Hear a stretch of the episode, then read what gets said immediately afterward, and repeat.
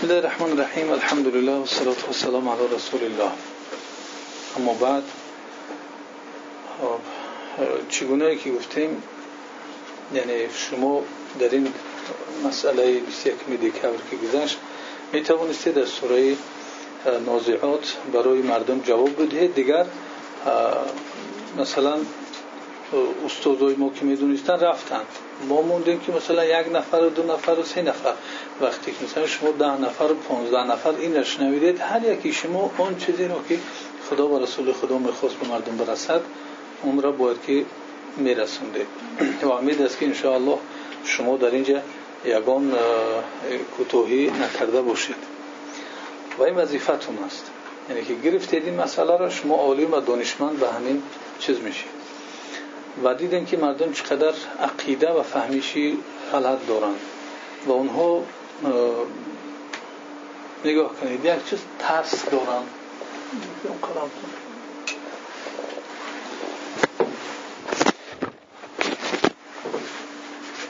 مردم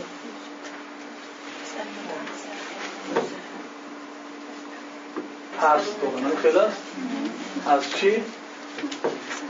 از شکمی دکبر که در آن روز روز قیامت می شود روز 21 دکبر گذشت. همین ترس وجود دارد روز 22 نه. نیست. این این غلطه که در آنها هست. پیشایی هم دیگر اونها نداشتن. فقط همین روز ولی انسان مسلمان روز 21 برای این مسئله میترسد؟ این گونه که ها میگن نه. انسان مسلمان در اینجا ترس دارد می‌دوند که اینما یونذر چی؟ اینما انت منذر ما یخشاها. کسی که میترسد از اون که همون را فهمیدی. این روز هم ترس دارد و بعد او هم انسان مسلمان ترس دارد. همیشه ما ترس اون روز حساب کتاب داریم. فقط یک روز نیست که بعد اون گذشتن با همه را خراب بکنیم. یک روز ما درست کار بکنیم یک روز ما خوب گپ زنیم که ممکن است امروز از دنیا میریم گپی نخوبی نزده باشیم حق یگان کس نخورده باشیم ولی پگه دیدیم که نه نشدیم کار ما باز همون چیز دوام بدیم نه انسان مسلمان همیشه سوزنده است همیشه انسان از خدا میترسیدگی است به حق یگان کس نمی‌رسد یگان کس در آبروش نمی‌رسد. و این چنین همیشه با مردم در اساس معامله خوب رفتار می‌کند. خب این بود نسبت به اون چیزی که گذشت و خیلی جامعه در گمراهی است و یک روز یک ترسی بیمعنی دارد که فلکه می‌زنند خب سان سیاه می‌خرند یک چیزهایی که بیمعنی و در عقل انسانی طبیعی انسان مسلمان این چیز طوری نمی‌گیرد و این حجت بود. به هر کس که مورد 21 دکبر سوال کرده باشد مخصوصا زنها این چیز چی کردگی هستن شما به آنها برسونید که این حجت شد سر آنها که برای یک مسئله چندین کس پرسیدن و فهمیدن. پس بدانند که آن چیزی را که آنها پرسیدن این یک خبر یک بود پرست یک افتاب پرست بود بله. ولی سبحانه و تعالی 1400 سال پیش قرآن رای کرده است خبرهای حقیقت خبرهای دقیق که یگان تغییر و تبدیل در اونها نیست و خواسته است که اون خبر برای مردم برسد. چرا از این خبرها نمی‌پرسند چرا نمی‌دونند که در این قرآن الله سبحانه و تعالی چی گفته است؟ این را جواب میده این حجت پس چو از این نمی‌پرسن که در این چیست؟ الله سبحانه و تعالی ما را چی گفته؟ گپ یک بود پرست یک افتو پرست بپرسی انیق کنی و گپ خدا رو نپرسی انیق نکنی. خب از جهت اونه که وقتم کمتر مونده است کمتر ادامه در درسی که ما گذاشتیم و اون اولی سوره عبسه بود. و سوره عبسه برای ما مخصوصا کسی که در راه خدا دعوت می‌کند یک درسی برای دعوت عجیب است و مخصوصا این یک تحولات در تمام کره زمین انداخت. این یک معجزه بزرگ بود. این یک حادثه اندک نبود که گویا پیامبر صلی الله علیه با یک نفر این معامله را کرد. باید که معامله ما چگونه با یک نفر یا با یک گروه باشد؟ این مسئله نیست. مسئله این است که اون ارزش ها و اون چیزهایی که ما در دنیا قیمت شو میشماریم ترازوهایی که ما با اونها ارزش ها را میسنجیم که این چیز درست و این چیز نادرست این چیز خوب این چیز ناخوب همون ارزش هایی که ما آموخته شدگی هستیم که انسان ها ارزش دارن از روی منصب داری از روی پول داری از روی قوت داری از روی خیشتبار داری. خب از این جهت ها مردم یعنی انسان را چکار می‌کنن؟ بها میتیان. الله سبحانه و تعالی میزانی را روی کرد که همه اون میزان هایی که ارزش ها در زمین میسنجند ارزش گفته قیمت هر یک چیز. این چیز چند قیمت دارد؟ پنجاه تینه یک سومای ده سومای و این چیز چی قیمت چه میهد برابر چند؟ همون ارزشی که دارد همون ارزش یک ترازوی میسنجد و ما ترازوها نهادیم. همین آدم ها که اومدن نگاه می‌کنیم که یک کسر لباسش خوب باشد از بالاش می‌گذاریم یک کسر لباس خوب باشد از پویون یا که از پشتی درش میمونیم خب یک کسی که سر لباس خوب باشد با او خوشلو گپ می‌زنیم. یک کسی که سر لباس خوب نداشته باشد اصلا با او شاید که صحبت نکنیم یا که پسندش نکنیم. این میزان است این ترازو است که ما با سر و لباس انسان ها را قیمت. یا که می‌بینیم که یک کس خشته بردار است با او گپ ما دیگر است. یک کسی که یگان کس ندارد بیچاره خودش تنها است با او گپ ما دیگر است. ما گمان می‌کنیم که این انسانی که خشتبار دارد و این پشت دارد این قیمتش بلند است. اون کسی که خشتبار ندارد اون قیمت نداشته باشه باید ببینیم که یک کس پولدار است. اون را بسیار احترام می‌کنیم. اون را بسیار صحبت های ما با اون دیگر است. ولی یک انسانی که پول ندارد با اون اصلا نمی‌خوایم گپ زنیم. با اون یک صورت تمسخرآمیزانه گپ می‌زنیم. ولی با یک انسانی پولدار بسیار با آداب گپ می‌زنیم. خب همین خیر. اینها ترازوهایی است که ما انسان ها در میان خود در جامعه ها گذاشتگی هستیم. ان همین ترازوهای ما همش ترازوهای زمینی هستند و اینها رو این قصه و این اولی سوره همش برهم زد. این اکرمکم عند الله اتقاکم. با عزت می‌خواهید با عزت ترین شما در نزد خداوند صاحبی کرامت عزت کسی که تقوا دارتر است. این تقوا نه پول است نه منصب است نه مال است نه خیشته است نه یک چیز در قلب انسان است. همون انسانی که لباس خوب ندارد همون انسانی که خیشتبار ندارد همون انسانی که پول ندارد. ولی در قلبش تقوی دارد که نه پولدار دارد نه منصبدار و نه خیشتبار دارد. در نزد خدا با عزت و با کرامت انا اون شخصی است که قلبی او پر از ایمان است پر از تقوا است. همه این ترازوهای زمینی را شکست و باید با ترازوهای آسمانی انسان زندگی بکنه این چیز برای ما میفهماند که ما زندگی را نباید در اساس اون ترازوهایی که خودمون تراشیدیم شو. و فکر خودمون با منفعت خودمون ولی در اصل در حقیقت نمی‌دونیم که اون چیزی رو که ما خود گمان می‌کنیم که برای ما منفعت دارد بر ضرر ما تمام می‌شود. این حقیقت است. این حقیقت را با این قصه و با حیاتش پیامبر صلی الله علیه و سلم در قلب مردم جا کرد. در قلب مردم جا کردن این میزان و این ترازو آسان نیست. وقتی یک کسی بگوی که همین یک انسان خدا ترس یک انسان خب انسان است. سر لباس عادی دارد او را می‌بری در پهلوی یک کسی که صاحب منصب و سر لباس خوب پول دارد در برای هم میشنونیش. هر دوش یک نمود مناسبت می‌کنیم پس ممکن است که او صاحب پول و مال و منصب نفورد خیلی که می‌گفتند پیامبرا را که این ارازل این انسان های رزیل انسان های پست از پیش خود دور کنیم محمد. پیامبرای دیگر هم می‌گفتند از پیش خود برون او طرف شو کن. ما میایم در مجلس میشیم ما نمی‌خوایم که بیایم در پهلوی بلال بیستیم در پهلوی صحیب رومی بیستیم فرمایید. در پهلوی بعضی کسایی بیستیم که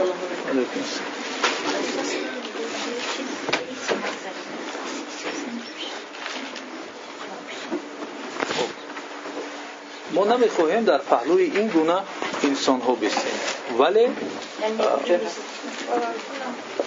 هر یک کس خود را تصور بکند در جای حضرت بلال در جای حضرت عمار. خب. عمار عمار ابن یاسر. که اونها؟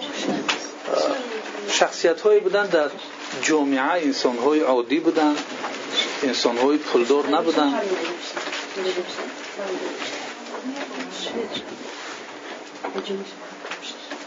خب ولی انسان های پولدار نبودن انسان های ولی هر یک از خود رو در جای اون احساس بکنن. وقتی که میای اعتراف نکنن وقتی میای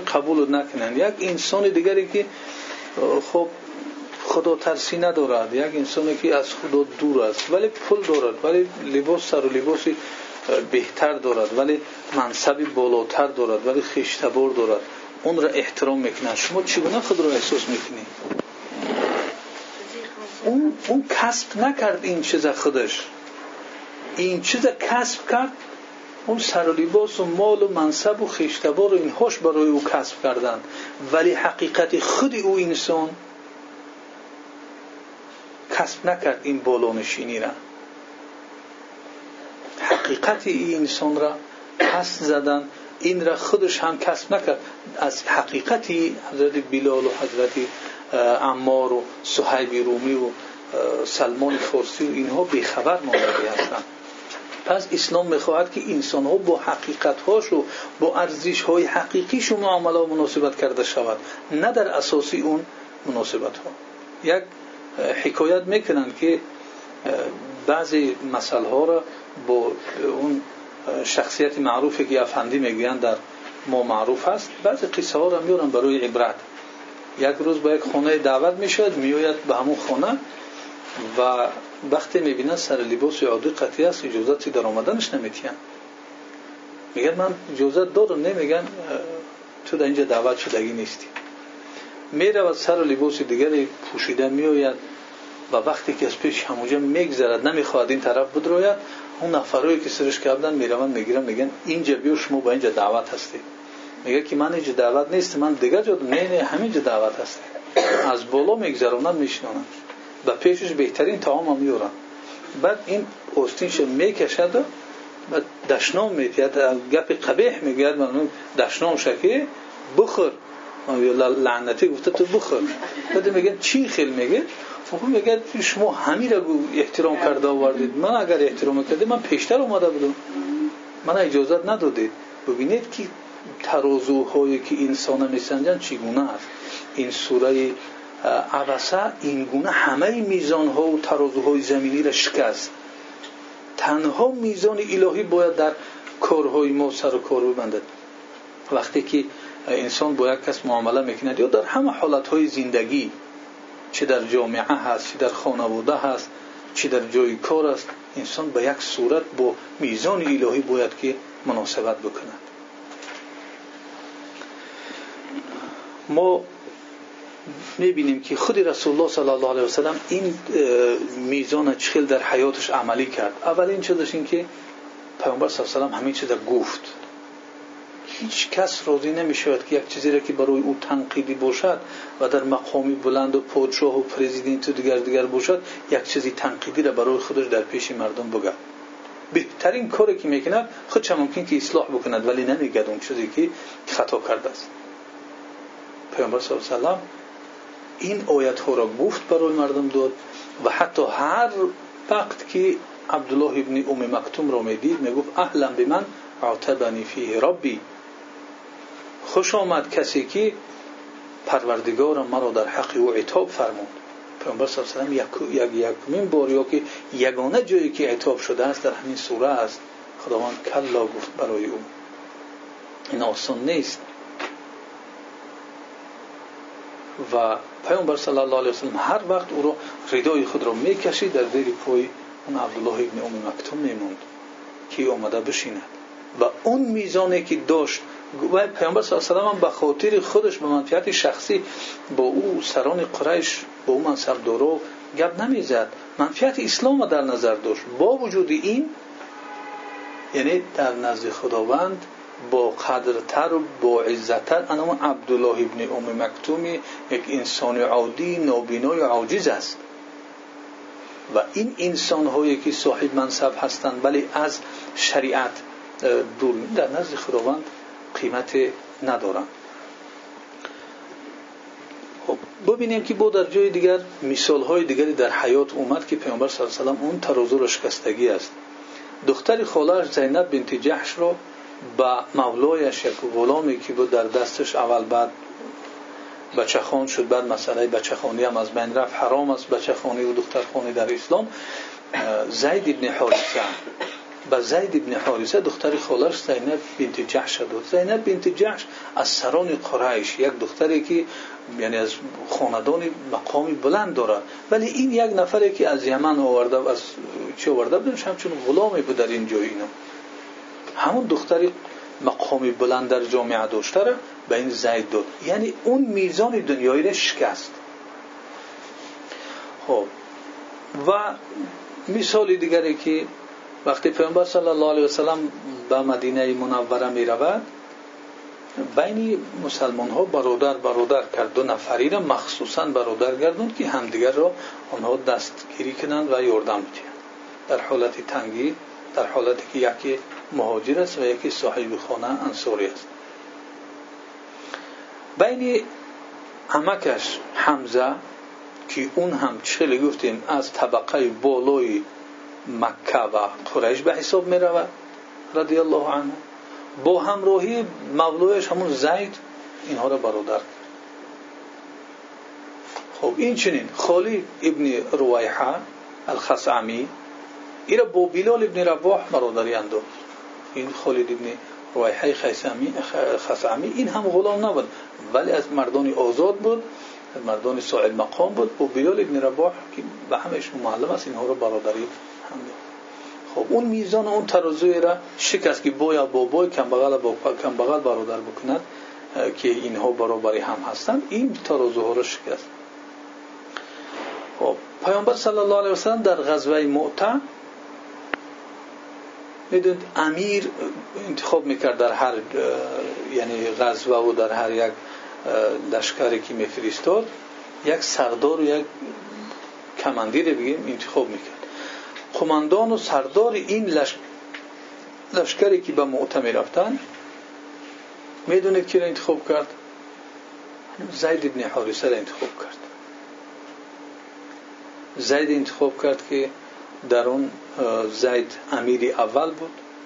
بعد از اون این به شهادت می‌رسد.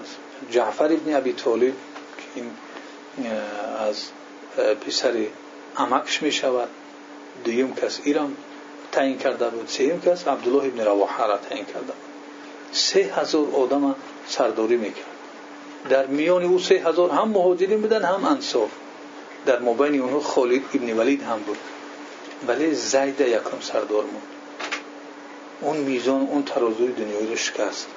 خالد ابن ولید کسی بود سرلشکری بود. هیچ وقت شکست خوردگی نیست. ولی در اخیر بعد این را وقتی می‌بیند که حضرت زید به شهادت می‌رسد جعفر ابن ابی طالب به شهادت می‌رسد عبدالله ابن رواحه پرچم می‌گیرد به شهادت می‌رسد. بعد خالد ابن ولید پرچم می‌گیرد به یک تاکتیکه حربی قتل مسلمان رو قفا می‌کشد و میارد نجات می‌کرد. یعنی ببینید که پیامبر صلی الله علیه و در حیاتش چگونه شخصیت های عادی را در نظر مردم ولی در میزان خداوند اینها قیمت داشتن. ببینید جای آنها در کجا بود. و حتی بعد از این غزوه در یک غزوه دیگر که پیش از وفات پیامبر صلی الله علیه وسلم بود پسری همون زید اسامه را بر ضد روم وقتی که لشکر کشی می‌کنن رهبر اسامه را بچه حدود 20 ساله و 20 ساله کمتر از میمونند در میان اونها ابوبکر صدیق است. در میان اونها عمر بن خطاب است. در میان اونها خب سعد بن ابی وقاص که این از نزدیکان پیامبر صلی الله علیه و سلم است و از اولین کسانی از جمله اوایلی هست که از قریش اسلام آوردگی هستند اونها در لشکر انسان لشکر قطاری بودن ولی امیر آنها رهبر آنها اسامه ابن زید. ببینید که پیامبر صلی الله علیه و چگونه این میزان ها را شکست. خب یعنی پیامبر صلی الله علیه و سلم این گونه این میزان ها را در حیات دیدیم که چگونه از بین بود. میزان های زمینی رو و میزان و ترازوهایی که از جانب الله سبحانه و تعالی مقرر شده بود را در حیات عملی کرد. این چنین وقتی که بعضی گپ ها شد در مورد اینکه ما عرب هر یک کس به اون نسبش نازیدن گرفت.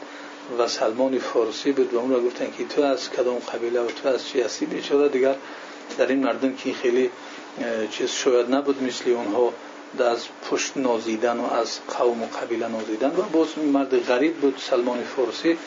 پیامبر صلی الله علیه و چنین گپ را شنوید. این ترازو این میزان و اون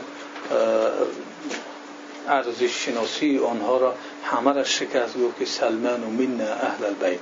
سلمان از ما است از خاندان بیت محمد صلی الله علیه و سلم است. از خاندان ما اهل بیت هستند یعنی اون میزان شکست وقتی که این صاحب ایمان است صاحب ترس خدا هست در قلب اون تقوا هست دیگر اون با ما برابر است.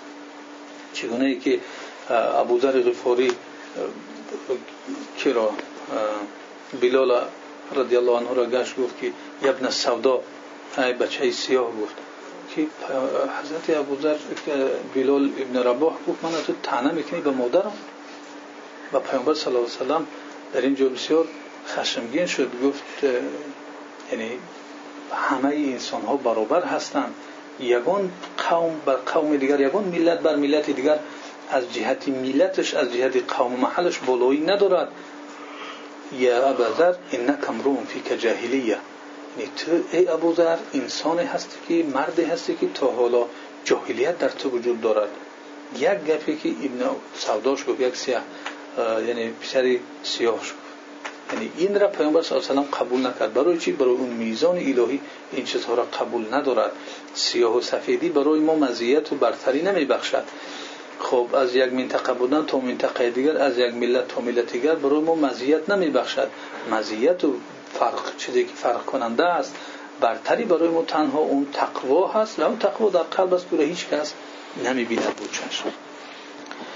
و ببینید که یک روز پیامبر صلی الله علیه و به حضرت بلال چی میگه؟ میگه بلال حدثنی بارجع عمل عملته في الاسلام منفعه عندك فاني سمعت الليله خشف نعان عليك بين يدي في الجنه ای بلال به من گپ بزن درباره یک عملی را که تو بسیار از اون به امید هستی امیدوار هستی از اون عملت که در اسلام عملش کرده و به منفعت و یعنی فایده او امیدوار هستی. کو گپ زن تو چی عملی کردی که من امشب یعنی صدای نعل تو را صدای کفش های تو را پیش پیشم در جنت شنیدم؟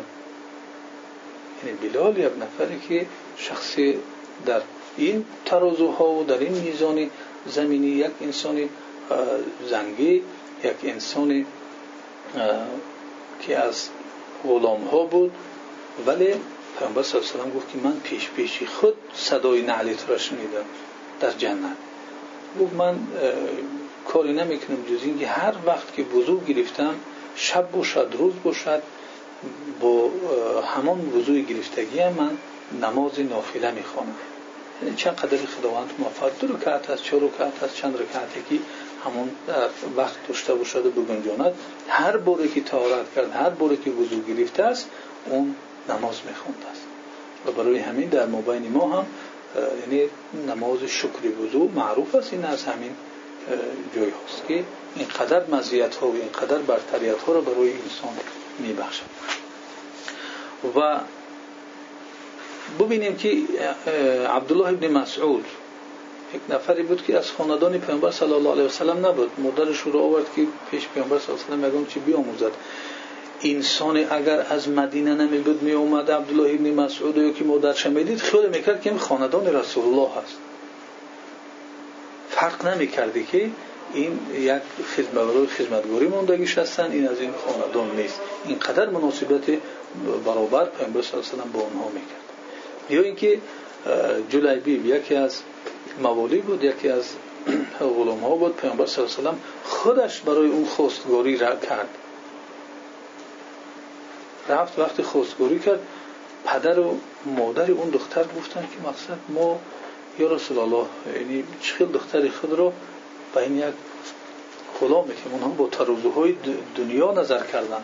ولی اون دختر خودش پدر و مادرش گفت که شما چخیل روزی نمیشید به یک چیزی که رسول الله این را انتخاب کردگی هست. و در حال پدر و مادرش دیگر از این گپی با خیردانه دخترشون دیگر اون خطای خود رو درک کردن و راضی شدن که دخترشون به شوهر داده شد. و این جلیبیب در نزدیکترین فرصتی که بود بعد از خاندار شدنش در یکی از وظیفه ها اشتراک می‌کند. و پیامبر صلی الله علیه و می‌پرسد که کیها رو کیها رو گم, گم کردیم از گم کردگی کیها هستن؟ یعنی کدومایی که به شهادت رسیدن میگن فلانی فلانی فلانی. باز می‌پرسد باز میگن فلانی فلانی فلانی. باز می‌پرسد که میگن دیگر هیچ کس نیست. یعنی من جلیبی رو ندیده ایستادم.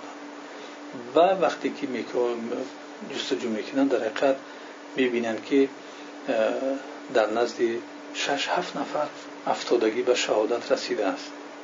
پیامبر صلی الله علیه میگه که این نفرها را به کشت و خودش در اخیر به شهادت رسید. پیامبر صلی الله علیه بسیار غمگین شد و با دستان مبارکش او را گرفته که دیگر تکیهگاه اون جلیبیب نداشت. یک انسانی که غلام بود قیمتی اون را ببینید که به دستانش پیامبر صلی الله علیه و را گرفت و او را به خاک سپارید. تا اون رو جا کردن برای چی کردن؟ پیامبر صلی الله علیه و رو در دستش داشت.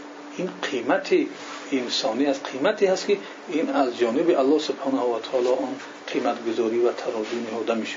این گونه ما باید در حیات ترازوهای آسمانی قطع حیات خود را بسنجیم نه به ترازوهای زمینی که آن گمان می‌کنه که به منفیت است ولی در اصل بر ضرر همه ما و شما خواهد انجام.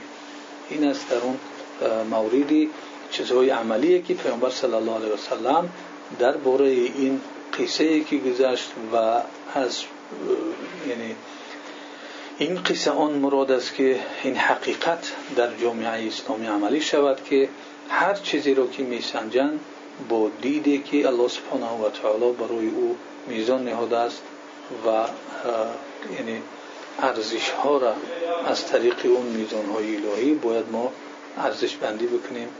و خطا نکنیم با اون ارزش های دنیایی کار کرده و هم دنیای خود و هم دنیای دیگر را به تنگ بیاریم. به استماعتون. و